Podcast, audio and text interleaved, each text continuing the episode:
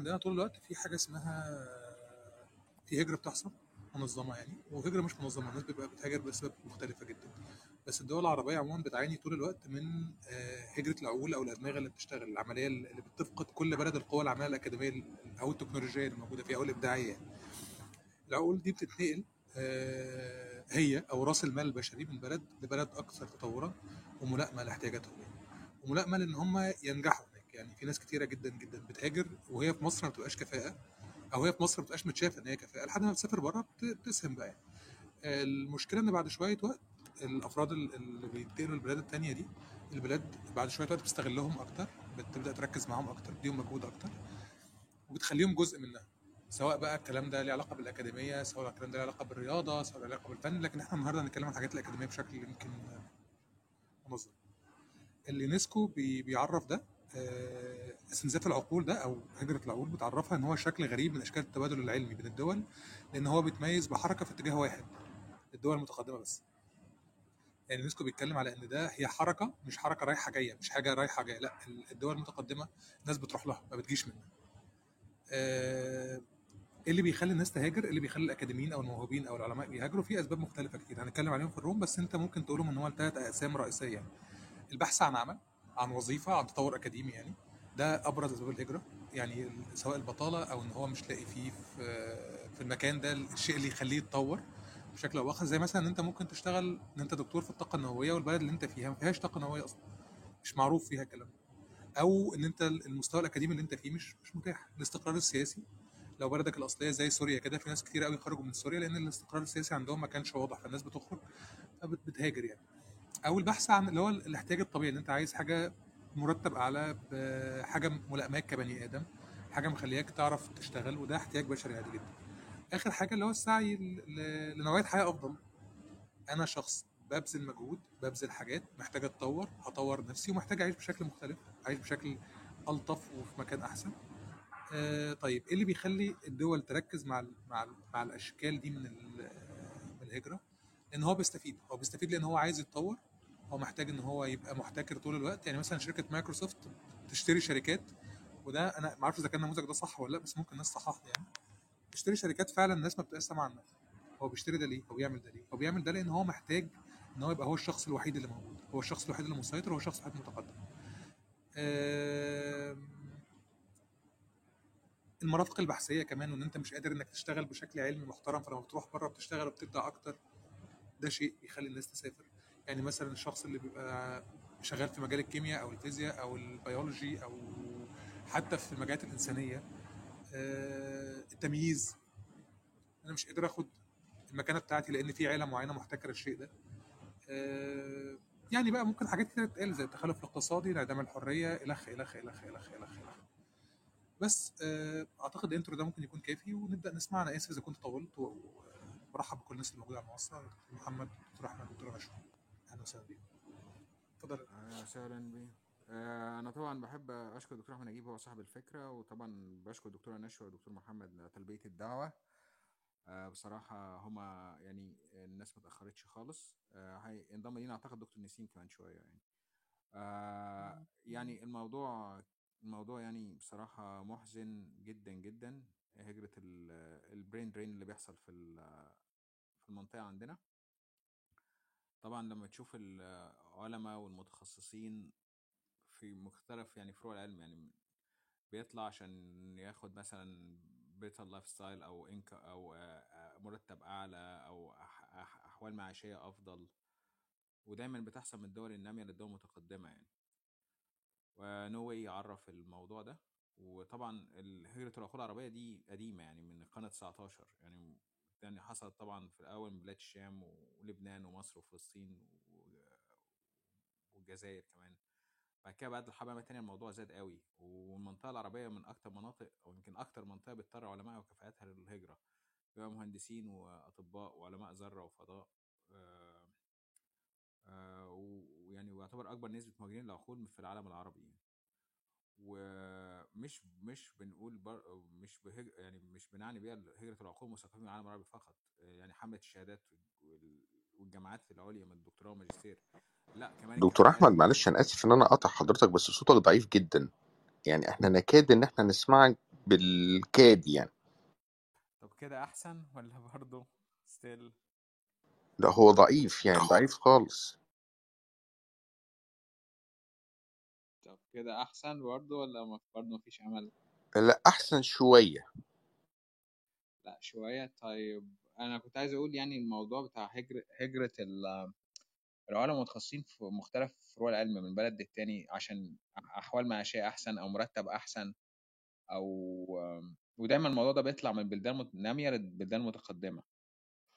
ويعني الموضوع في العالم العربي بدأ من القرن 19 من سوريا ولبنان وفلسطين ومصر والجزائر وبعد كده بقى في القرن العشرين بعد بالذات بعد الحملة الثانية الموضوع ده زاد أكتر بكتير والمنطقة العربية يعتبر أكتر منطقة بيضطر علمائها وكفاءاتها للهجرة مهندسين ودكاترة وعلماء ذرة وفضاء. ومش بس بس حملة الشهادات الجامعية مثلا من دكتوراه وماجستير لأ جميع الكفاءات والخبرات في الميادين ال- العلوم الإنسانية والعلمية طب وهندسة اقتصاد إعلام فنون. فمثلا آه، في آه، دراسة عملتها جامعة الدول العربية بالتعاون مع اليونسكو والبنك الدولي إن العالم العربي بي- بيساهم في تلت هجرات الكفاءات من بلاد البلدان النامية وإن 50% من الأطباء و23% من المهندسين و15% من العلماء في مجالات الأخرى يعني من مجموعة الكفاءات العربية المتخرجة من الجامعات بيهاجروا متوجهين لأوروبا والولايات المتحدة وكندا وأستراليا. ودي بتعمل تبعات سلبية على مستقبل التنمية العربية. ودايما والخطورة إن أغلب الناس دي بي- بيبقوا في أهم التخصصات الاستراتيجية زي الطب النووي جراحات دقيقة هندسة إلكترونية مايكرو إلكترونية علاج بالإشعاع هندسة نووية علوم الليزر تكنولوجيا الأنسجة الفيزياء النووية علوم الفضاء الميكروبيولوجي الهندسة الوراثية. والدراسة دي ذكرت إن 54% من الطلاب العرب اللي بيدرسوا في الخارج ما بيرجعوش بلادهم. وبيشكل أطباء العرب في بريطانيا لوحدها 34% من مجموع الأطباء فيها. وممكن دكتور نشوى عايشة في بريطانيا تحكي لنا هل الكلام ده منا... يعني 34% ده رقم مناسب ولا أعلى شوية أو في مبالغة؟ بس هم كاتبين 34% آه وده بيسبب بقى إنه بتخلف عقول المعرفة في العالم العربي وضعاف الفكر العلمي والعقلاني يعني. وبيبقى في عجز عن مجريات الإنتاج العلمي العالمي في أي ميدان من الميادين دي. آه وبتعمل خسارة كبيرة وأثر سلبي على مستوى التقدم والتطور ال- والتطور المطلوب في المجتمعات العربية في الميادين العلمية والاقتصادية.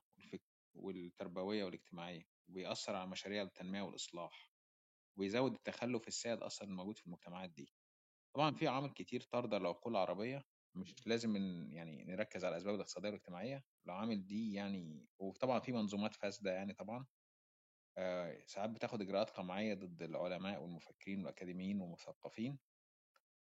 آه، وده بي في الآخر بيوسع الهوة الحضارية والعلمية بين العرب والعرب والدول المتحضرة في العالم. وكمان بيخلي بقى كمان إيه بنستورد الخبرات الأجنبية للبلدان العربية عشان نسد الفجوة دي. ودي تكلفة مالية عالية بتأثر على ميزانيات الدول دي. أم، وطبعا بت- بتسبب طبعا انخفاض مستويات التعليم الجامعي عشان مفيش كوادر أكاديمية وبحثية مؤهلة. يعني إحنا شفنا في مصر موضوع الدكاترة اللي بياخدوا زمالة في بريطانيا بقى كتير جدا الموضوع ده. آه، في دراسة بتقول إن 60% من من درسوا في الولايات المتحدة خلال ال 30 سنة في أمريكا في ال 30 سنة اللي فاتوا ما رجعوش بلدانهم تاني و50% من اللي درسوا في بريطانيا وفرنسا ما رجعوش بلدانهم بلادهم تاني. ودي أخطر أخطر حاجة بتعمل نزيف للبلدان النامية ومن ضمنها العالم العربي هي هجرة العقول والكفاءات العلمية. آه، إحنا النهاردة نناقش الموضوع ده آه، معانا دكتور محمد ودكتورة نشوى ودكتور أحمد نجيب. آه، نبتدي بيك يا دكتور نجيب اتفضل. طيب شكرا يا دكتور حميدي والحقيقة سعيد إن أنا مع دكتور محمد ودكتور نشوى من زمان ما التقيتش دكتور محمد يعني سعيد إن أنا شايفه طبعا ودكتور طارق بالتأكيد يعني. طيب أنا أنا يعني إن شاء الله هحاول مداخلتي تكون مركزة شوية في في الحاجة اللي أنا يمكن أعلم عنها يعني الأكثر يعني اللي هي حتة هجرة ال- الكفاءات بنية الدراسة بنية الدراسة ما بعد التخرج يعني. إحنا آه، خلينا نكون متفقين إن إحنا آه، هقسم مداخلتي لثلاث أجزاء. الجزء الأولاني هو إن أنا هبدأ آه، من خلال خبرتي الشخصية ومن خلال ال- ال- ال- الزملاء ال- البيرز بتوعي أو الأقران بتوعي في ال- في السفر للحصول على الدراسات العليا. ومن خلال يمكن حتى تجربتي هنا على كلاب هاوس إن أنا يمكن كنت مهتم بالمنح فمهتم الناس دايما بشوف هي بت- بتسافر ليه. فالشق الأول اللي أنا أتكلم فيه في المداخلة بتاعتي هو إن أنا هنتكلم الناس في الأول بتسافر بتسافر ليه؟ يعني ليه دايما بتحاول تسافر تكمل دراسات عليا بره ده الشق الأولاني الشق الثاني هتكلم على الأسباب اللي يمكن بتؤدي إن بيكون في حرص إن إحنا آه، نكمل بره وما نرجعش لبلادنا وبالتالي بيحصل برين درين أو عملية عملية آه، فقدان للعقول آه، بيحصل فيها إن هي سافرت بره وما رجعتش تاني وبالتالي نشوف الأسباب لأن من خلال معرفة الأسباب نقدر نقول الحلول التقليدية والغير تقليدية يعني يمكن في بعض الحلول قد تبدو تقليدية وواضحة وصريحة وبعض الحلول قد تبدو غير تقليدية. فالشق الأول اللي هتكلم عليه هو ليه أصلا من خلال مشاهداتي. يعني ليه الناس أصلا بتحاول تسافر تكمل دراسات عليا بره؟ يمكن لسببين أو ثلاث أسباب. آه، السبب الأولاني أو النوع الأولاني من الناس اللي بتكون حريصة على إنها تكمل دراسات عليا بره هو الناس اللي بتتعين كأعضاء هيئة معاونة في الجامعات الحكومية في بلادنا سواء كانت أنا أنا يمكن هكون كلامي أكثر على مصر يعني باعتبار إن أنا أعرف عنها. بيبقى في ناس بتتعين في المجال الأكاديمي وبالتالي بتحصل على بعض الدراسات آه، الأولى مثلا وليكن ماجستير وبعدين بعد كده بتبقى حريصة إنها تكمل الدراسات بره بحيث إنها تحصل على جانب من الخبرة أو جانب من التعليم اللي بره بحيث إنك أنت تقدر تنقل الخبرات ديت إذا رجعت لبلدك تاني. النوع الثاني إن بيبقى في نوع تاني بيبقى حريص على إنه يسافر يكمل دراسات عليا كمسار إن هو يكمل آه، في البلد اللي هو مسافر ليها وبالتالي ده آه، بيكون نتاج ان الدولة اللي انت بتسافر ليها. في الغالب اللي بتوفر لك دراسات عليا بتكون حريصة على انها تستفيد من الدراسات اللي قدمتها لك وبالتالي بتكون حريصة على انك انت تفضل في البلد ديت. وبالتالي انت نفسك كنوع من ال motive انك انت بتحاول علشان تحصل على مسار للهجرة أو مسار إنك انت تكمل في البلاد خصوصا في البلاد ال- القايمة على المهجر زي أستراليا وأمريكا وكندا for example يعني. وطبعا أوروبا لكن أنا بتكلم أكتر على البلاد الاكثر آه، للمهجر يعني. فيمكن دول النوعين الأساسيين اللي بيسافروا لبره. طيب خلينا نتكلم على الأسباب اللي بتخلي الناس آه، اللي كملت دراسات عليا حريصة إنها ما ترجعش. أو زي ما يمكن دكتور أحمد وزي ما يمكن نوي قالوا في في المقدمة قالوا ان إن نسبة كبيرة جدا من الناس آه، اللي كملت دراسات عليا بره ما رجعتش بلادها في الغالب. في الغالب ده مش منطبق على الدول العربية بس ولكن منطبق على كتير من الدول خصوصا الدول الناميه أو الدول الأقل في في الناحية الاقتصادية. حقيقة أنا بقول الأسباب يمكن ثلاث أسباب. السبب الأولاني هو يمكن سبب متعلق بالدولة ال- ال- الجاذبة والدولة الطاردة أو الدولة اللي أنت طالع منها والدولة اللي أنت رايح لها. آه، الدولة اللي أنت طالع منها بعض الأحيان ضعف بعض الإمكانيات المادية لل... لل... للدارس بعد ما بيرجع بتأدي بيه إن هو بيحاول إن هو ما يرجعش. بعض ضعف الإمكانيات المعملية بحيث إن هو مش هيقدر يكمل الأبحاث بتاعته على النقيض بيكون المقابل المادي والفرصة إنك أنت تكمل أبحاثك بشكل أفضل في الدولة الجاذبة بيكون أعلى. فبالتالي في بعض الأحيان ده بيكون موتيف كبير جدا لعدد كبير من الناس إن هي تكمل في الدولة اللي هي أخذت فيها دراساتها العليا فبالتالي بيكون حريص إن هو ما يرجع السبب الثاني آه، بعض الأسباب اللي ممكن نسميها socio-economic parameters يعني بعض الأسباب المتعلقة بالأسباب الاجتماعية والأسباب الاقتصادية بعض الناس بتبقى مسافرة ومعاها أسرتها وبالتالي الأسرة بتبدأ تتعود على الجو بره فبالتالي يكون صعب جدا إن هو يقدر يرجع بأولاده أو يرجع بأسرته مرة ثانية لبلده بحيث إن الأطفال الأطفال أو الولاد بيكونوا تعودوا على الحياة بره وبالتالي صعب جدا إنه يرجع. بعض الأسباب الاقتصادية برضه يمكن ال- ال- المقابل المادي لما بيضطر إنه يرجع لمصر بيكون أقل كثيرا من المقابل المادي اللي هو بيتلقاه بره فبالتالي بيكون حريص إن هو يكمل بره. الحاجة الثالثة أو السبب الثالث يمكن آه، يتعلق شوية بحتة إن هو عايز يكمل الأكاديميك كارير بتاعه بشكل أفضل. وده برضه يمكن مرتبط بالدولة الطاردة والدولة الجاذبة بعض الأحيان بره يمكن الناس الإمكانيات المعملية وإنك تكمل أبحاثك بشكل أفضل بالتأكيد بتكون الفرصة أعلى لأنك أنت بتقدم على مشاريع بحثية وفي جهات كتير بتكون ممولة ليك وبالتالي تقدر تكمل أبحاثك بشكل أفضل. حتى مصاريف البحث يمكن الناس اللي م- موجودة في مجال البحث العلمي دلوقتي بدأت تعرف إن مصاريف حتى إنك أنت تنشر الأبحاث بدأت تكون مكلفة. يعني حتى إنك أنت تنشر أبحاث في مجالات زي open access إن هي بحيث إن هي تعمل عملية acceleration لعملية النشر بتاعتك لحد ما الموضوع ده بيكون مكلف وبأرقام باهظة وبعملات أجنبية وبالتالي صعب جدا إنك أنت تتحصل على نفس الميزة ديت في بلادك. فبالتالي ده بيكون سبب ثالث بمعرفتنا من الأسباب نقدر نقول والله إيه الحلول؟ والحلول قد تبدو منها حلول تقليدية وخلينا نتكلم على النوع الأولاني اللي هو بيسافر وهو عضو أصلا هيئة معاونة أو يمكن الناس في الجامعة فاهمة الكلام ده كويس اللي بيطلع كهيئة معاونة بيطلع يكمل دراسة بره بيبقى طالع مسار من مسارين. في الغالب يعني. المسار الأولاني مسار من خلال البعثات البعثات اللي هي البعثات من وزارة التعليم العالي بتعمل عملية تمويل ليك وبتصرف مبالغ فعلا باهظة كبيرة جدا عليك بحيث إنك أنت تكون آه قادر إنك تكمل دراستك بره بحيث إنك أنت يكون ضامن إنك هترجع له. لأنك أنت هو صرف عليك مبالغ باهظه مبالغ كبيرة جدا وبالتالي هو بيكون حريص ومن خلال مجموعة من التعهدات الناس اللي يمكن عارفة في الجامعة الكلام ده قبل ما بتسافر بره بتمضي على نفسك مجموعة من التعهدات المالية وبتخلي فيه ضامن يمضي مجموعة من التعهدات المالية إنك أنت لازم ترجع بالبلد. وبالتالي هنا دوت بيبقى ضامن الجامعة الحكومية خصوصا أنا بتكلم عن الجامعات الحكومية تحديدا في مصر تبقى ضامنة إنك أنت ترجع لأنك أنت إذا ما كنت مش هترجع فأنت بتضطر في اللحظة ديت إنك أنت ترد كل المصاريف اللي بعثتها وزاره التعليم العالي صرفتها عليك. النوع الثاني من الناس اللي بتبقى شغالة في الجامعات الحكومية بيبقى طالع زي أنا شخصيا مثلا طالع حاجة اسمها منحة شخصية، منحة شخصية يعني يعني في جهة مانحه ليك بره وهي اللي في الغالب بتوفر لك ال funding win-win situation وبيبقى حريص إنك أنت تشتغل على مشروع بحث معين بحيث إنك تطلع بمجموعة من ال outcomes وبالتالي هو بيدي لك living stipend وبيتحمل عنك tuition fees في مقابل إنك أنت تشتغل على مشروع بحثي معين. وهو بيجيبك وبيستخدمك ليه؟ لأن هو هيكسب من وراك، هيكسب من وراك إيه؟ هيكسب من وراك مجموعة من النشر العلمي، هيكسب من وراك نسبة ال international student عنده بتكون عالية وبالتالي ده بيعلي ال rank بتاع الجامعة بتاعته. فبالتالي هو win-win situation هو ما بيجيبكش في مقابل إن هو إنك أنت من دولة فقيرة أو حاجة زي كده فهو بيجيبك على منحة. لا هو مستفيد من وراك فبالتالي هو بيجيبك بال... بالهدف ده. برضه اللي بيبقى على منحة شخصية برضه بيبقى ماضي مجموعة من التعهدات المالية إنه لازم يرجع الدولة. فبالتالي الحل الأولاني اللي هو الحل التقليدي أنا عايز أرجع الناس عايز أرجع الناس اللي طلعت بره واتعلمت وخدت خبرات بحيث إنها ترجع البلد بتاعتي وتفيد الناس أو تشتغل على المشاريع البحثية بتاعتها جوه بلدي فبالتالي البلد تستفيد. ده ده مسار. لكن هل ده الحل الوحيد؟ ده الحل اللي أنا بسميه الحل التقليدي أو الحل المباشر. في حلول تانية؟ آه في حلول تانية. إذا كنت أنا حريص إن في حد بره طلع مثلا إذا كان بقى بره هيئة التدريس في الجامعات أو إذا كان حتى جوه هيئة التدريس في الجامعات أنا ممكن أستفيد بيه وهو بره زي ما بستفيد جوه جوه. بمعنى أنا إذا كنت مثلا عندي آه، معيد أو مدرس مساعد شغال في الجامعة بتاعتي وحصل على دراسات عليا بره وعايز يكمل بره فأنا ممكن أستفيد بيه من خلال مجموعة من ال agreement أو مجموعة من الاتفاقات اللي ممكن تحصل بيني وبين الطالب ده أو بيني وبين الموظف بتاعي دوت بحيث إن هو لما يجي ينشر بحث مثلا ينشر ال affiliation بتاع جامعته الأم مع الجامعة اللي هو شغال فيها. كلنا عارفين إحنا لما نيجي ننشر مجموعة من الأبحاث بيبقى ليك حاجة اسمها ال affiliation ال affiliation اللي هو عبارة عن المؤسسة التعليمية اللي أنت بتتبع ليها. بعض الناس بتحط الجامعة اللي هي شغالة فيها بره بس في بعض الناس بي بي ك agreement ممكن ده يحصل ك agreement بينك وبين الجامعة اللي انت طالع لها باعتبار ان هو يملكك أو يملك عقلك إذا كنت شغال عنده فبالتالي هو بكل بساطة يقدر يقول لك إذا كنت حابب إنك تكمل بره تقدر تحط ال affiliation بتاع جامعتك الأم هل الجامعة هنا هتستفيد؟ آه تستفيد لأنك أنت تستفيد من الإمكانيات المعملية اللي موجودة بره بإنك تنشر high quality research papers تنشر أبحاث إلى حد ما أبحاث قوية وبالتالي جامعتك الأم تحط اسمها على البحث وبالتالي بدأ ال rank بتاعها يزيد.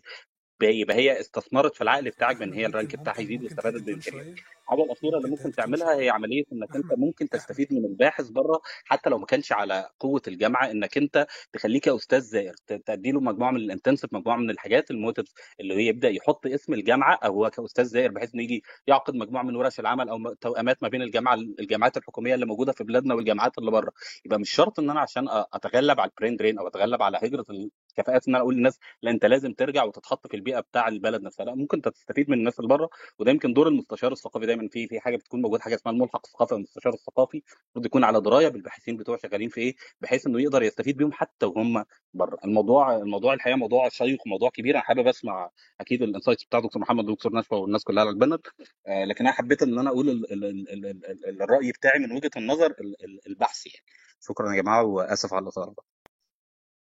شكرا يا دكتور أحمد. آه، عايز تقول حاجة وهي ولا نروح دكتور محمد؟ طب اتفضل يا دكتور. لا تمام أنا بس كان دكتور أحمد صوته صوته كان أسرع شوية فكنت عايز أقول له يهدي التون. في الآخر بس أنا بحاول عشان الوقت والله يا روي شكرا روي لا لا خالص. براحتك. الناس في الشات بس ما كانوا كاتبين. أنا كنت سامعك كويس. أنا بتكلم بسرعة. ما عنديش مشكلة خالص. طب اتفضل يا دكتور محمد. وبعد كده دكتور نشوى. أم، ميرسي يا دكتور أحمد على الدعوة يعني لل club النهارده ونو واي وطبعا أنا مبسوط إن أنا أشوف الناس اللي على ال panel يعني اسما اسما. آه، أنا مش هعرف أقول أسباب الشكل ال- المنظم اللي قاله دكتور أحمد يعني أنا ما بعرفش أتكلم بال- بالتنظيم ده قوي لكن أنا هحكي قصص. أنا دايما بحب storytelling in science فتخيل أنت حضرتك إن أنت واحد متفوق تمام خلصت الكلية بتاعتك وطلعت الأول على دفعتك. آه، ولسبب ما مثلا كان عندك دقن تمام أو كنت بتعتقد في اتجاه معين ونزل إعلان الجامعة بتاعتك وأنت أول دفعتك وجيت قدمت فيه وقالوا لك لأ معلش مش هنقدر نقبلك. ليه مش هنقدر نقبلك؟ عشان التقرير بتاعك ما جاش. خلاص؟ فده بيحصل عندنا آه بيحصل عندنا. ده ده حقيقي يعني. إن إن أنت عشان تتعين مثلا وأنت من أول جامعتك في أماكن أكاديمية أو أماكن بحثية في مصر كتير لازم بيجي لك تقرير من آه من جهات أمنية. لو مش هيتم الموافقة عليك خلاص مش هتتعين. طب أنت بعد كده هتعمل إيه؟ ده أنت كنت المفروض من أوائل ومن أحسن من أحسن الكفاءات اللي موجودة آه الكريمة يعني. طب هتعمل إيه؟ هتقعد في مصر. طب إيه الاوبشنز اللي قدامك؟ دكتور أحمد قال قصه معينة إن في ناس مثلا بتبقى معاها بكالوريوس أو ماجستير في الطاقة النووية. عندنا قسم الطاقة النووية أو الهندسة النووية في جامعة اسكندرية ده من الأقسام النادرة يعني موجودة في مصر. طب خريج ال- الهندسة النووية لو ما تعينش في الجامعة والدولة استفادت منه هيروح فين؟ آه، ده مشكلة. طب قصة تانية إحنا دكتور أحمد اتكلم على الأطباء. ودكتورة نشوى أكيد هتدينا example أحسن دكاترة في في في إنجلترا. الأعداد آخر لما جم شافوا آخر أعداد في آخر امتحانات زمالة حصلت في إنجلترا السنة اللي فاتت تاني أعلى جنسية قدمت بالأعداد بعد باكستان كانوا المصريين. تمام؟ وده يتوافق مع أرقام النقابة وأرقام وزارة الصحة من استقالات تمام الأطباء. من وزارة الصحة مش عايزين يتكلفوا أصلا. يعني دول الاطباء جم يتكلفوا في الدولة. الدولة خلي بالك دايما بتقول إن إحنا مش عايزين نعين والتعيينات عندنا كتيرة وإحنا عايزين نقلل الجهاز الإداري في الدولة. فتخيل إن أنت المفروض أحسن يعني لو المفروض يعني إن هم أحسن طلبة عندك كانوا في الثانوية العامة جم قالوا لك معلش إحنا مش هنقدر نكمل. خلاص؟ آه واستقالوا كلهم وقدموا وسافروا. جيت أنت بعد كده اتعرضت لأزمة زي أزمة كوفيد. ابتدينا نتكلم نقول هم فين الدكاترة؟ ده في تقصير في الجهاز الطبي المصري. آه بس ما حدش قال بعد كده إن الأعداد دي كلها سافرت. وده عامل مشكلة وعامل دروب كبيرة لأن هي دي المفروض أحسن كفاءات عندك المفروض طلعت بره. فدي قصة تانية. طب هل دايما اللي بيسافر ده هو أحسن من اللي موجود في مصر؟ أنا بقول لا طبعا. أكيد اللي في مصر تمام كويس برضه ما قلناش حاجة لكن هو رضى بقدر معين من الأحلام وقضى ورضى بقدر معين من الأهداف اللي هو عايز يؤديها. لكن اللي بره عايز يطور من نفسه عايز مستوى أحسن من التعليم عايز يكون عنده قدرة أحسن عن المعيشة عنده آمال وطموحات ما لقاش البيئة المناسبة ليها إن هو ياخدها في مصر. فجت دولة تانية تمام عطت له الفرصة دي وقالت له اتفضل واحد واثنين وثلاثة وأربعة.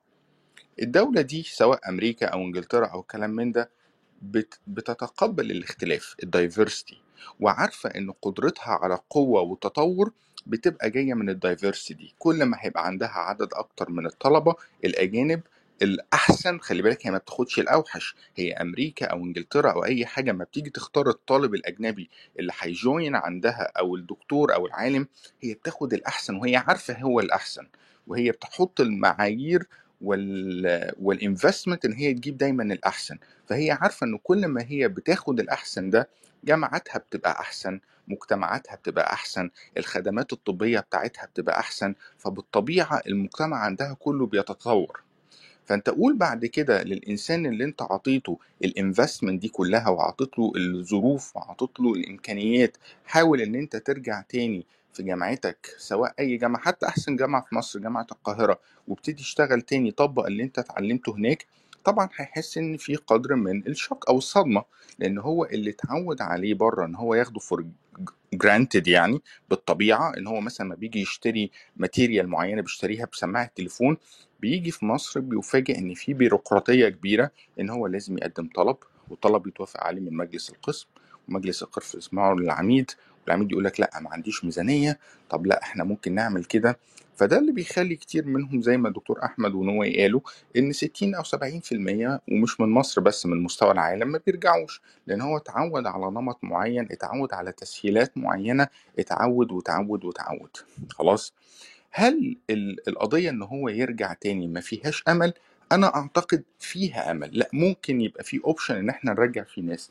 وحصلت بعض بارقات الأمل الصغيرة قوي اللي شفناها في مصر ريسنتلي بغض النظر هي نجاحها شكله إيه بس ابتدت تحصل. جامعة النيل جامعة زويل بعض الأماكن كده ابتدت تقول طب أنا ليه ما أجيبش الناس اللي من بره اللي هم الكفاءات المصرية وابتدي أديهم ظروف أحسن نسبيا. أنا ما بقولش إن هي أحسن 100% أحسن نسبيا. نبتدي نفكر نديهم مرتبات أحسن. نبتدي نفكر إن الدكاترة دي في منهم still زي ما قال الدكتور أحمد عندهم collaborations مع جامعاتهم بره. أنا مش هقول له اقطع 100% وما تعملش لا خلينا نستفاد إن أنت كنت في إنجلترا وأمريكا وحاول نستفيد من ال collaborations دي. ابتدت بعض الأماكن برضو تقول طب ما نعمل ال- البرامج المشتركة. إن إحنا إيه أنت دلوقتي هتاخد الماستر بتاعك تاخد ال master degree بتاعتك سنة أو سنتين عندنا وهنطلعك مثلا في ألمانيا أو في إنجلترا أو في أمريكا تاخد السنة أو السنتين وهديك حاجة اسمها joint degree تمام؟ فدي أنا شايفها إن هي أعتقد options كويسة يعني مش سيئة قوي للدرجة دي مش أحسن زي الجامعات اللي بره لكن هي ال option في الآخر إن أنا دلوقتي أما أقول هستفيد أو إزاي أرجع العقول الخارجة أو ال- الطائرة أو المسافرة أعتقد ده مش قراري ولا قرار أي حد فينا ده لازم يكون اتجاه في الآخر اتجاه دولة اتجاه شعب إن إحنا عايزين قررنا إن إحنا نطور ونستفيد ونستغل البحث العلمي فبنحط بلان أنا أنا يعني بغض النظر مش شايف الكلام ده موجود. ممكن تكون الدولة منشغلة بحاجات تانية في عندها أولويات أخرى غير التعليم أو أو التفكير كده لأن حتى لما شفت السياسات الأخيرة بفتح عدد كبير من الجامعات الأهلية وخلافه ما كانتش في الجامعات اللي هي عندها قدرة على المنافسة أو عندها قدرة على استقطاب أو إن هي تجيب عقول أكتر ما كانت كلها عملية internal duplication للجامعات اللي هو مثلا جامعة القاهرة هفتح جامعة القاهرة الأهلية وهنتدب من جامعة القاهرة يدرسوا جامعة القاهرة الأهلية that's it. ما شفناش إن في opportunity فعلا إن إحنا عايزين نجيب ناس من بره ونخليهم ونديهم ظروف أحسن ونديلهم opportunity إن هم shine فأنا اعتقادي في الآخر هي لازم تكون plan وال plan على مستوى مستوى كبير مستوى دولة. إن إحنا الناس دي لازم نرجعها تاني الناس دي لازم ن invest ونخليهم. لأن أنا وجهة نظري دايما أنا بقول قاطرة التقدم هي من التعليم والبحث العلمي. يعني في ناس جنبنا قاعدين الناس اللي جنبنا دول قاعدين مش هم قاعدين عشان في دولة تانية بت support ليهم.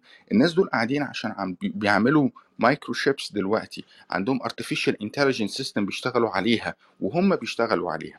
وآخر حاجة أنا يعني هقفل وهخلص بيها. الناس اللي جنبنا دول جم سنة 2008 حاجة زي كده. عندهم واحدة عالمة أعتقد أعتقد من من institute آه، نسيت اسم الفايزمان institute فايزمان institute آه.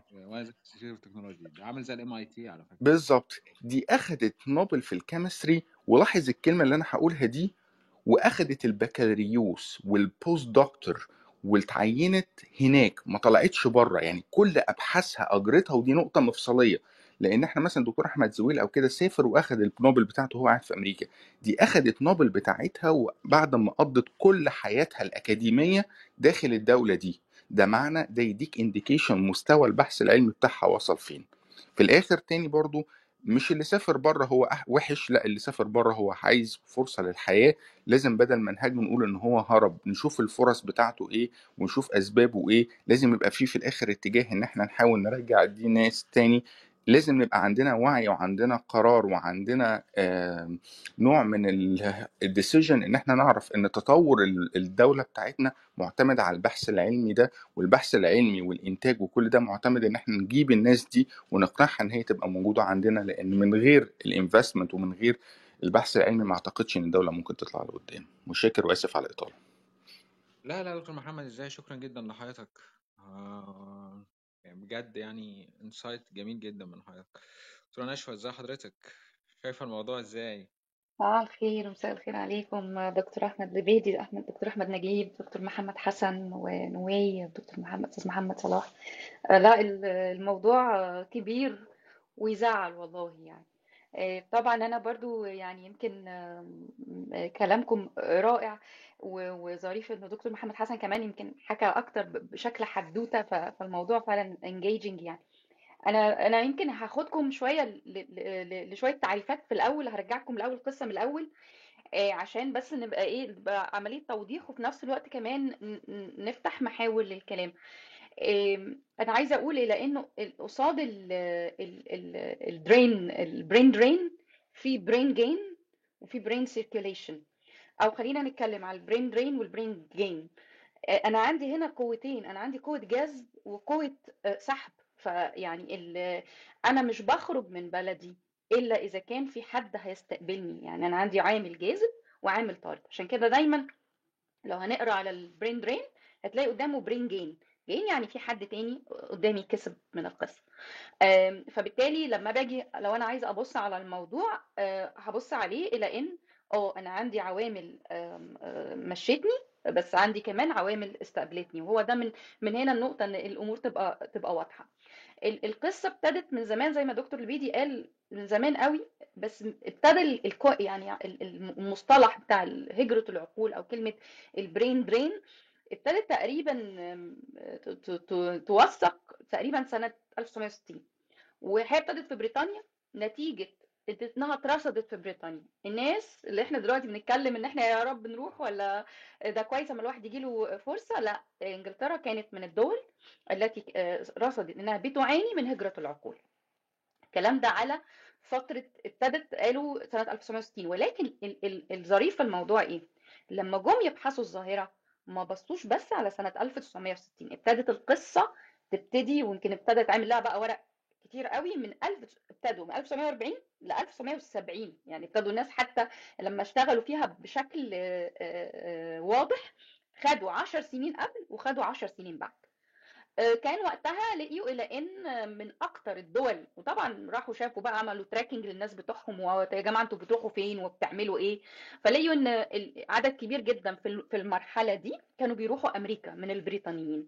قعدوا طبعا يشوفوا طيب طب إيه اللي وداكم هناك ولقيوا إلى ان الناس دي يا إما بتروح هناك من آه، وما بترجعش يعني في حاجة جذبتهم هناك فبيبقى جاي له مثلا فرصة عمل بيجي له ممكن فرصة دراسة وبيجي له وبيبقى عنده ظروف جذبته هناك وما. وما بترجعهوش أو إن الشخص بيشتغل بي... بي... بيتعلم في بريطانيا وبي... بي- وبياخد كل فرص التعليم ولكن بيكون آه، بيلاقي حاجة بتطرده.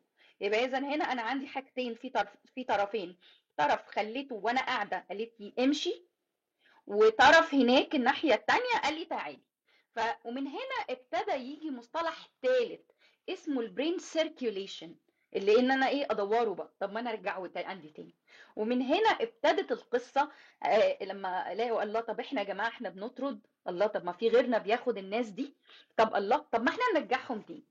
فحتى ممكن لما يجي ندخل نلاقي آه، في عندي ال brain gain وال brain drain وال brain circulation لأن أنا ممكن أرجعهم تاني. لأن طبعا إحنا لو أنا يعني يمكن الكلام ده بعض الناس مش هيعجبهم. طب ما هو أنا عندي إذا كان الأطباء المصريين بيتم استقبالهم هنا وأنا هتكلم على إزاي تم تأهيلهم للجزئية دي. بس برضو آه، أنا عندي في كم من الإنفاق آه، أنا عندي مازال كليات الطب ال- ال- الأساسية في مصر. كليات طب حكومية واخد من الدعم الحكومي برغم إنه في دلوقتي في مصاريف ولكن لا تقاس بما ينفق على كل طالب في كليه بي- بينفق عليه من الجامعات المصرية. بعد لما بيطلع طب ما هو أنا ده يعتبر kind of loss أنا بالنسبة لي كحد عندي ك policy maker أو صانع قرار في الجامعة آه، المصرية بالنسبة لي لو أنا بصرف 10 جنيه ال 10 جنيه دي أنا بصرفها على طالب عشان ترجع لي وبمجرد ما بيخلص بيتم آه، هو بيلاقي نفسه فرصة أكتر يبقى اذا أنا بالنسبة لي أنا ده يعتبر loss عشان كده حتى آه، في مصطلح آخر غير ال brain drain بيقولوا عليه ال human capital flight يعني الهروب هروب ال- ال- الطاقة البشرية من الشعوب. ده ده مصطلح تاني طيب هل بيتم آه، يعني أنا هتكلم على كام نقطة كده. بالنسبة لي مثلا الأطباء المصريين. طبعا عدد الأطباء المصريين بالذات بعد جائحة الكورونا في بريطانيا أنا بتكلم آه، عدد كبير جدا. يعني وصل آه، تتضاعف اب النسبة 200% دي نسبة الزيادة بالنسبة للأطباء المصريين اللي موجودين عندي. كان زمان زمان قوي كان الطبيب المصري بيجي وبي وبيكمل كما هو. لكن عندي لأ هو أنا عندي باخد الطبيب المصري ولكن تقريبا برجعه إلى مرحلة البكالوريوس يعني ما بعد البكالوريوس على طول. أول حاجة بلاقي لأن هو لسه غير مؤهل في اللغة فبياخدوا اختبار لازم لغة الأول اللي هو ال OET وبعد كان الأول اختبار أصعب ولكن للاحتياج عملوه أسهل. ولما بيجي بيسد العجز في البلد. فأنا اللي أنا مثلا أعرفهم كتير جدا لما بيجوا بيبتدوا بعد ما بيعملوا حاجة لازم يبقوا حاجة اسمه GMC اللي هو وزارة الصحة يعني لازم يكون registered عشان يبقى مسجل في وزارة الصحة. فبرج ف... فبيدخل على حاجة اسمها ال PLAB ال PLAB اللي هو عشان يعتبر طبيب عام. حتى لو هو جايب ماستر يعني أنا عندي الطبيب المصري اللي هو قضى ست سنين طب وبعد كده دخل آه، بقى في الامتياز وبعد كده أخد الماستر بتاعته خده في سنتين في ثلاثة أنا بالنسبة لي معاه ماستر من كلية طب في مصر. أنا برجعه مرة تانية بعد امتحان اللغة. امتحان اللغة بيعمل ال PLAB حتى لو عمل ال first part بره وبعد كده بيدخل بعد ال PLAB بيبتدي ياخد التخصص والكتير جدا. آه، بي بي بيجي تخصص مختلف تماما. يعني أنا personal يعني من الأسرة عندي آه، جايين معاهم ماجستير أطفال اشتغلوا في آه، في في, في psychiatrist في علم النفس. عندي كمان آه، في عندي بعض التخصصات اللي هي فيها عجز في عندي يعني الإنجليز ما بيحبوش يشتغلوا في الحاجات ال stressful فأنا مثلا عندي نقص عالي جدا في أطباء الطوارئ وال في ال ICU العنايه فبت... والحاجات اللي هي ال high risk زي مثلا ال transplant مثلا في في في, في الجراحة. الحاجات دي أنا باخده باخدهم بقى وبفرمطهم بعمل لهم formatting وبظبطهم عشان أعمل لهم situating عندي في في, البلد بتاعتي. فحتى ال- ال- اللي اللي بجيبه كمان بجيبه وبخ... أنا بالنسبة لي كحد كبو... أنا أنا a pull pulling pulling factor بتكلم على بريطانيا فباخدهم ولكن أنا بظبطهم على ال system. طب إيه اللي بيخلي الدكتور هل هو بي... آه، بيلاقي البيئة الهايلة؟ لا مش قوي كده. لكن هو بالنسبة له في عوامل طاردة زي ما دكتور آه، أحمد نجيب ودكتور محمد حسن اتكلموا. بالنسبة له أول حاجة هو مرتب هو مش طبعا الدكتور الجديد مش هقول يعني آه، طرف من العيش ولكن بيكون عنده مرتب حياة كريمة. النقطة الثانية بيبقى عنده فرصة ال upgrade بيبقى عنده فرصة إن هو يطور من نفسه. طبعا on the top of this عشان ما نبقاش آه، يعني بره الحقيقة كله بيسعى على الحصول على جواز سفر آه، آه، بريطانيا أو اللي بيروح أمريكا. بيكون آه، طبعا جواز السفر ده له ثمن وكتير جدا يقول أنا هاخد الباسبور وأرجع تاني.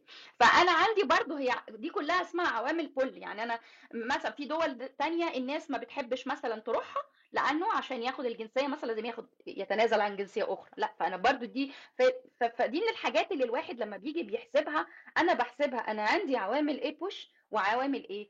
pull النقطة ال- ال- ال- اللي عايزة أتكلم فيها كمان إلى إن عملية ال brain drain ما بتجي مش بس فقط على ال higher education برغم إن إحنا بنتكلم mainly على التعليم العالي بس ال OECD عملوا تقرير لطيف جدا على موضوع هجرة العقول. ولقيوا إلى إن عملية هجرة العقول ليها ثلاثة مؤشرات بت... هي اللي كل دولة بت... بترسم بيها عشان تشجع أو. تبقى pull factor لهجرة العقول. الحصول على تعليم عالي عالي الجودة ال higher education أو جامعي ده واحد من ثلاثة ولكن عندي العامل الآخر هو المهارات العالية ال high skills وال high skills الحقيقة من ال... يمكن أنا أنا أنا شوية لما ب... الفترة دي لما بنبص على تقارير بنبص شوية قبل الكوفيد لأن لسه بعد الكوفيد في حاجات صعب to be predictive so far يعني. بس عملية ال brain ال brain drain أو هجرة العقول كمان السبب بتاعها إن أنا عندي حد ماهر. ومن هنا اتعمل حتى بريطانيا كان عندها القصة دي قبل لغاية 2009 كان عندي scheme في في الهجرة اسمه HSMP high skill migration protocol وراحوا وقفوه بعد كده لما حصل البريكزت وخروج انجلترا من الاتحاد الاوروبي سوق العماله بقى عندي في عندي deficiency فراحوا مرجعينه تاني في شكل واحد اسمه Global Talent Visa ده عباره عن الناس المتميزين والناس المتميزين يعني مش لازم يكونوا ناس مثلا لاعبين كورة متميزين أو موسيقيين لا أنا حتى عندي بعض كوادر الجامعة يعتبروا Global Talent Visa up to senior lecturer القصص دي طبعا لو أنا يمكن هشاركوا معاكم التقرير ده بس الدول دي مثلا ال- ال- اللي بتلعب أساسي مش ال higher education على ال high skills مثلا أستراليا on the top نيوزيلاند Sweden آه، وكندا. مثلا بريطانيا مش ما تعتبرش من الجاذبة عن طريق ال high skills الحاجة الثالثه هو ال entrepreneur ال entrepreneur اللي هي الناس اللي هي بتبقى عايزة تعمل مشروع كمان لأن دول برضو في ناس بتهاجر بسبب الموضوع ده. أنا عايز أنا الاستثمار عندي في بلدي مش نافع. أنا عندي أفكار عايزة أنفذها. آه، أنا عندي آه، مثلا مشروع عايزة يتم مثلا تبنيه ويتم إن أنا أطوره. برضو دي من الحاجات اللي هي آه، من من الحاجات اللي هي ممكن من الأسباب اللي هي الدول بتكون بتكون بول عليها. فالحقيقة عملية اللي أنا عايزة أقوله في المداخلة بتاعتي عملية البوش والبول دي مهمة قوي لأن هي اللي بتحدد لي ال track يعني إحنا حتى لو رحنا هنلاقي بعض الخرائط اتعملت مين اللي بيجذب ومين اللي بيطرد وبيجذب ليه والتاني بيطرد ليه. ف... فدي القصة اللي أنا عايزة أقولها. حاجة أخيرة بقى معلش طولت عليكم هي حدوتة. هطول عليكم بس عشان موضوع طب أنا لما باجي بطرد بعمل إيه؟ والحقيقة دكتور محمد آه، حسن قال فكرة حلوة جدا إزاي إن أنا أعمل joint إن أنا إزاي ما, ما آخد المهارات اللي عندي آه، وإن أنا بالذات اللي هم الناس اللي حاصلين على آه، مؤهلات عالية وأحافظ عليهم. دي واقع حصلت قدامي فعلا وكنا بنتكلم على أهمية المستشار الثقافي يمكن الحدوتة دي مع- معذرة لو حد سمعها أنا حكيتها في أكتر من روم فمعذرة لأن أنا لو لو بكرر نفسي. المستشار الثقافي وظيفته بالنسبة للبعثات الدبلوماسية هو التمثيل الثقافي للبلد وبيحاول إن هو بيتواصل مع الجامعات من أجل عشان يتعرف على المبتعثين بتوعنا الموجودين في البلاد دي نشاطاتهم آه، آه، مشاكل عندهم لو في حد مبتعث من في أي مشاكل بينه وبين الجامعة. والحقيقة حصل لقاء مع أحد ال- ال- الممثل الثقافي لمصر موجود في بريطانيا في الجامعات. وكان قاعد حواليه. كنا مجموعة كبيرة جدا. كنت أنا وقتها من الناس اللي بيعملوا الدكتوراه. وكان كنا group كبير. كنا 30 تقريبا كلنا ناس عند بنعمل master و PhD في آه، كلنا مصريين الجنسية. محدش معانا وقتها كان حتى معاه جنسية تانية آه، آه، مصريين. والراجل سأل سؤال. قال يا جماعة طيب خلاص أنتوا بقى بتعملوا كويس جدا وإحنا اطمنا عليكم. طيب خلصوا وارجعوا مصر. فطبعا أول ما قال الكلمة دي في كان شاب ظريف كده شجاع فينا وقال أوكي إحنا نرجع مصر. طب هتشغلونا إيه لما نرجع؟ إحنا كنا في تخصصات مختلفة. قال آه، آه، الحقيقة الحقيقة المستشار الثقافي رد إجابة يعني أنا بالنسبة لي آه، تتبروز. قال ارجعوا ونشوف بعد كده هنعمل إيه. فالشاب الظريف الشجاع اللي فينا قال طب أنا إيه اللي يخليني أسيب مكان أنا واثق منه و... و... و... و career wise يعني واضح وأرجع على حاجة أنا مش عارف أعمل إيه. والحقيقة قال له حاجة جميلة جدا.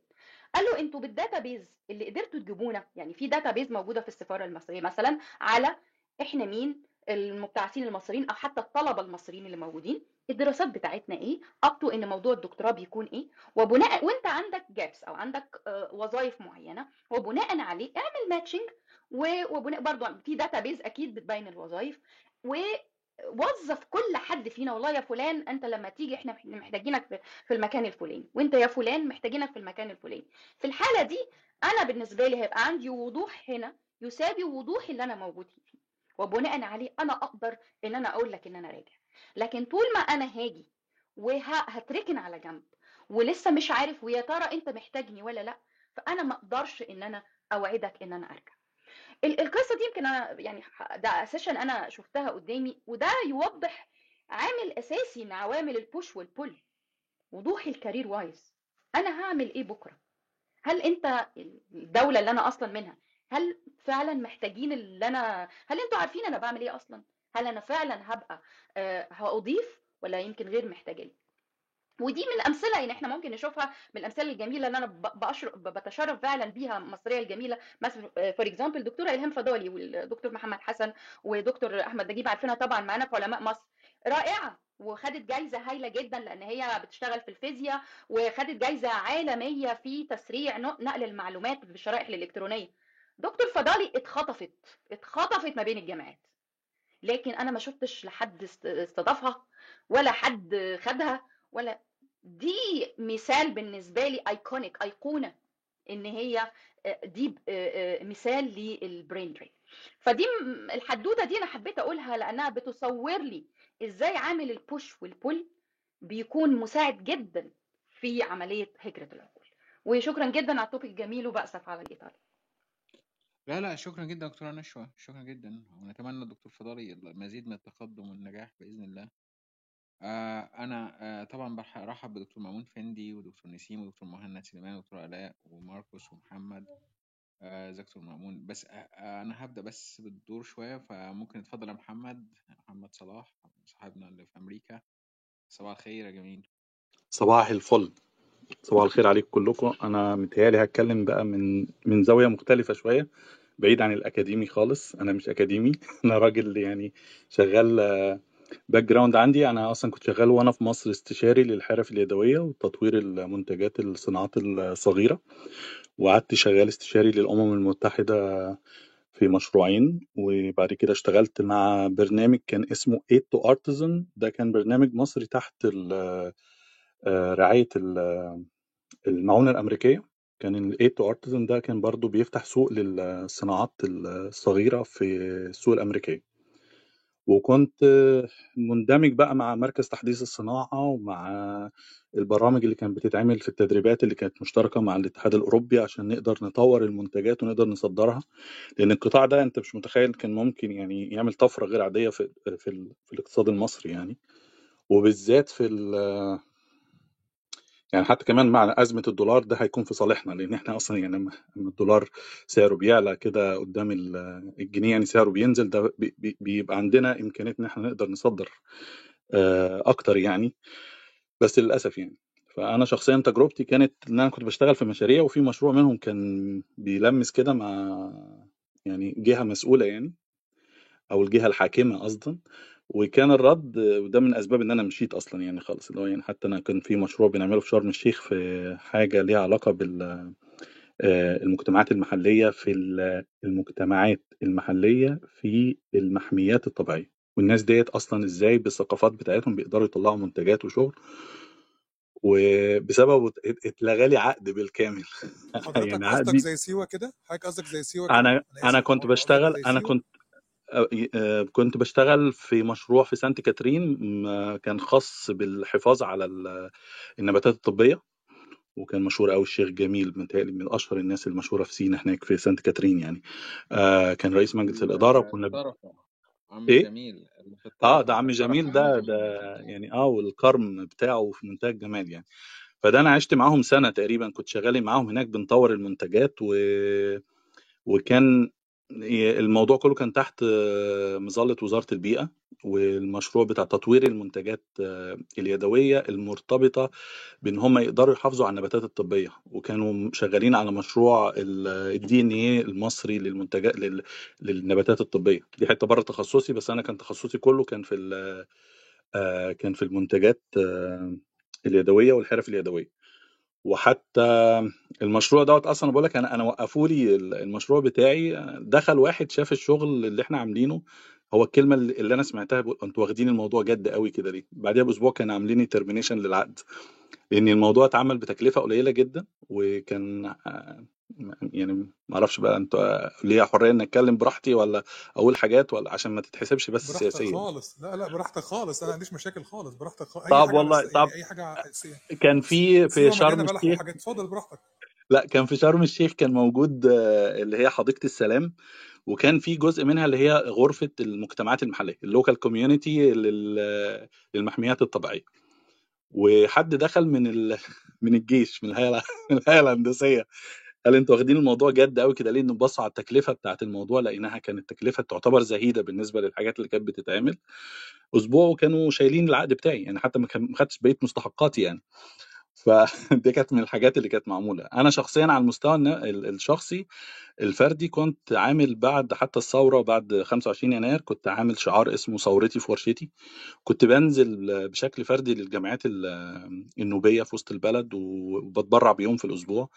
بدربهم على منتجات وابتديت أقدر أحاول أدخل كان إيه تو ارتزن قبل ما يقفلوا. يعني حتى برضو كان من المشاكل اللي بتحصل في مصر موضوع المشاكل الجامعات الأهلية واللي حصل بعد 2012 والدنيا ابتدت تقفل وابتدوا يعني الشبهة اللي ابتدت تخش في إن أي جمعية أهلية بتاخد تمويل بتبقى يعني اتجاهاتها سياسية مع إن كان في اتجاهات تنموية كبيرة يعني. اشتغلت مع الاتحاد الأوروبي في ورش عمل عشان نقدر نطور المنتجات المصرية تروح للاتحاد الأوروبي وللأسف الحاجات دي كلها وقفت آه، وما كملتش بعديها اشتغلت تاني. أنا بقى لما جيت بقى هنا أمريكا المفروض كان في السوق الأمريكي مفتوح لينا. في معرض بيتعمل كل آه، بيتعمل مرتين في السنة. كان اسمه New York Gift Show واللي هو بقى دلوقتي اسمه New York Now ده من أكبر المعارض اللي بتتعمل آه، للسوق يعني سوق الجملة أو يعني اللي هو سوق الجملة لل- للسوق الأمريكي كله. على المستوى الشخصي أنا لما رحت وقابلت Aid to Artisan نفسهم قالوا لنا إحنا ما قدرناش نشتغل في مصر العراقيل اللي كانت موجودة. ومن ناحية تانية أنا قابلت شخص يعني أنا بجد من الناس اللي الواحد يفتخر بيها كان ممكن أقول ال brand بتاعه هو اسمه كليم. وكان جايب سجاد يدوي وكان عامل شغل وهو قال لي أنا جاي على حسابي حاولت ألجأ لأي جهة عشان يقدر يجي ما قدرش ما حدش يقدر يديله الدعم. أنا معلوماتي كلها قديمة لأن أنا بقالي تسع سنين بره. اللي أنا عارفه إن هم عملوا حاجة اسمه غرفة آه، الصناعات ال- الصغيرة والصناعات اليدوية وفي عمل المجلس التصديري وكل دي حاجات أقراها من بره بس ما أعرفش مدى صحتها. المجال ده لوحده يعني ممكن يعمل طفرة غير عادية لأن إحنا أنت الموبايل اللي أنت ماسكه فيه جراب في إيدك في ستاند هتحطه عليه في يعني في ده أنا بتكلم على حاجات كده. تعالى بقى في بيتك من أول الباب لغاية جوه أنت عندك صناعات ممكن تطلعها بره والناس بتبقى محتاجة. فكرة ال reverse engineering وإن أنت يعني يعني copy paste من الصين يا عم واعمل براويزك واعمل الحاجات بتاعتك والسوق محتاج فعلا. يعني السوق نفسه محتاج. عندنا دلوقتي يعني لما أمازون يبقى في مصر طب ما دي فرصة إن إحنا نقدر نطلع بره. أنا كنت بحاول أنا شخصيا على المستوى الشخصي أجيب حاجات من مصر. كان براويز وكان عليها حاجة اسمها جوبلان بيبقى عليها آيات قرآنية لمعرض كان معرض إسلامي. آه وقفت في الجمارك قال لك لازم موافقه الأزهر عشان ده قرآن ولازم يقول لك إن الآيات دي صح ولا غلط. يعني لا يا جماعة في إيه يا جماعة؟ ده لو واحد خدهم في شنطة معاه كان جابهم يعني. فالعراقيل نفسها كانت كتيرة جدا. أنا بقى على الناحية التانية يعني زي ما دكتور نشوى كانت بتتكلم على ال- البلد اللي بتطرد والبلد المستقبل أنا لما جيت هنا من يعني أنا نفسي دخلت في برامج تدريبية متخصصة في رفع الكفاءات للناس المتدنية الدخل عشان تقدر تشتغل وترفع من دخلها من خلال الصناعات الصغيرة. وأنا خدت التدريبات ديت هنا أصلا يعني هنا في بروكلين بيعملوا ال- البرامج ديت ومدعمة من من السيتي هنا ومعتمدين برضو على التبرعات من الجامعات الأكبر وبيشتغلوا وبيطلعوا برامج يعني بيطلعوا ناس دفعات بتشتغل في السوق وعملوا برنامج تاني خاص بالصناعات المتقدمة في ال CNC وده دخلت فيه برضو الحمد لله كانت مسابقة أول مرة تتعمل في نيويورك دخلت فيها. 2014 كنت يعني أنا بقول لك أهو يعني بشغلي أنا كنت بعمل جوائز الفيفا بإيديا في شركه من الشركات اللي دعوني إن أنا أعمل الشغل شافوا شغل اليدوي بتاعي وعملوه. فأنا قصدي إن مصر عندها الكفاءة إن إحنا نعمل الكلام ده بس في مشكلة في الحتة الإدارية يعني الحتة دي لو اتظبطت هنقدر يعني يعني نغطي حتة يعني احتياجاتنا ونقدر نشتغل ونطلع بره. أنا أنا بتكلم بقى في نقطة بعيدة أنا عارف كل اللي على ال panel كلهم في الحتة الأكاديمية أنا بتكلم في حتة يعني أنا من من لا الناس لا العادية خالص. والكفاءات ما أنا بقول لك والله بشوف يعني أنا بشوف حاجات هنا بشوف قدامي حاجات والناس مهندس ميكانيكا وأبص ألاقيه أنا بقابله أقابله في أوبر يعني أنا بوقف أوبر يعني الاقي مهندس ميكانيكا. طب أنت جاي تعمل إيه هنا؟ يعني أنت طب ابتدي خش في مجالك أو كده ما عندوش حتى. هنا نفسهم عاملين لل immigration للناس ال immigrant عاملين لهم مركز آه تعادل بيه شهادتك ببلاش. أصلا يعني أنت لو جيت عرفت تيجي ب green card ولا حاجة بت بيعملوا لك برنامج عشان تعادل شهادتك وتقدر تتع... تشتغل في السوق لأن هم بيبقوا محتاجين الكفاءات دي كلها. فهم بيسهلوا لك الدنيا أصلا هنا. أنا من أمنياتي الشخصية وأنا أهو بره ومن أمنياتي الشخصية إن أنا أقدر أرجع وألاقي جهة داعمة أقدر أشتغل معاها إن أنا أقدر أطور من آه، من الناس ومن الحتة اللي هي في شغلي. إن أنا كنت شغال قبل كده وكان الناس عندهم استعداد يشتغلوا. فبس وشكرا دي يعني مداخلتي. شكرا جدا. لا شكرا يا محمد. شكرا جدا على الانسايت بتاعك جميل.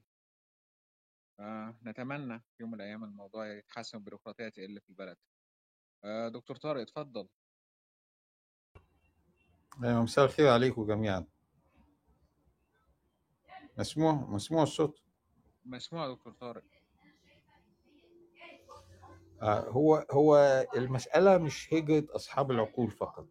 أنا تصوري إن هو هجرة أصحاب العقول وأصحاب الأموال أيضا. أصحاب العقول بيهربوا من الدول المزدحمة. يعني مش من مصر بس. يعني المؤهلات آه، الجامعية والتخصصات النادرة بي- بيتجهوا للغرب من الهند والصين والفلبين ومصر وباكستان. كل دي دول مصدرة للعمالة. وأوروبا محتاجة وأمريكا محتاجة وكندا واستراليا. السبب الأساسي في نظري هو الزحام قلة الفرص. المجتمع بتاعنا فعلا محتاج تكنولوجي ولكن هل عندنا فرص كافية؟ هل إحنا عندنا فرص كافية؟ الواقع لا. إحنا ما عندناش فرص كافية لكل الناس دي. إحنا عايزين نتمدد في أرضنا كلها. من 30 سنة لما الأستاذ بتاعي قلت له أنا عايز أرجع مصر الراجل استغرب وقال لي ده أنت أكيد بقى هتروح هتتعين هتتعين عميد الكلية. أياميها كان عندي 30 سنة. قال لي هتتعين عميد الكلية. ضحكت قوي قوي هتتعين عميد الكلية إيه بس؟ هل هل إحنا فعلا محتاجين كل الناس اللي إحنا بنخرجهم دول؟ في الحقيقة لأ. في الحقيقة ال- المجتمع بتاعنا بالتكوين بتاعه الحالي بالمدن الحالية والمؤسسات البحثية والجامعية والمؤسسات العلمية هل إحنا محتاجين كل هؤلاء المتعلمين؟ ابدا. هتلاقي المجتمع المصري حاليا آه، الفنيين هم اللي ناقصين فيه. يعني أنا أدعي إنه إنه الفني النجار أو الميكانيكي ما عندوش مشكلة في الحياة زي خريج الجامعي المتخصص اللي هو آه، مهندس متخصص مثلا في في الطاقة النووية. المشكلة عندنا إنه الزحام. إحنا كتير قوي على المكان اللي إحنا متواجدين فيه. وكل المؤسسات اللي إحنا بنتكلم عليها ديت كلها مؤسسات تابعة للدولة. ومطلوب إن الدولة تزود المرتبات أو تزود الفرص وده مستحيل. الدولة في الحقيقة عندنا وفي كل الدول الفقيرة كل همها بيبقى الناس اللي تحت خالص. الناس اللي في أسفل السلم الاجتماعي. فيعني مش مش هينظروا بجدية قوي للخريج الجامعي اللي هو المتخصص الطبيب أو المهندس أو خريج كلية العلوم. آه، على الأقل ها يعني هذا الرجل أخذ آه، فرصة في التعليم. في ناس تانيين تحت في السلم الاجتماعي هم أولى بالرعاية. فعشان كده إحنا بنقول الفرص عندنا في المجتمعات بتاعتنا أقل بكتير من أوروبا وأمريكا. أنا كان ليا زميل سوري آه، قال لي أنا رجعت مصر بعد ما خلصت آه، آه، التخصص بتاعي. سوري رجع سوريا وقال لي أنا فوجئت إن أنا مطلوب مني إن أنا أشتري شقة علشان أعيش فيها وأشتري شقة تانية علشان أعملها عيادة وأشتري كل الأجهزة اللي أنا هشتغل بيها وأنا معيش الفلوس دي. فروحت راجع أمريكا تاني. رجع أمريكا و... و... وأخذ كل اللي هو عايزه بقروض من البنك. كل البنوك مولته وهو لسه مهاجر آه، آه، آه، صغير السن.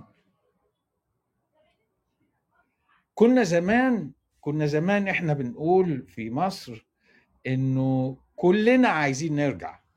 كان الزملاء اللبنانيين بيقابلونا ويقولوا لنا "لا، هو إحنا كل ما نقعد مع المصريين نلاقيهم بيفكروا في الرجوع.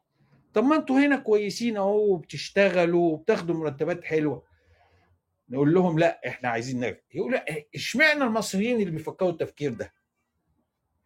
الكلام ده اتغير دلوقتي الكلام ده اتغير لأن المصري وهو بره ما بيفكرش يرجع لأنه هو شايف إن الوضع الاقتصادي صعب ومش بس الوضع الاقتصادي مفيش استقرار في البلد.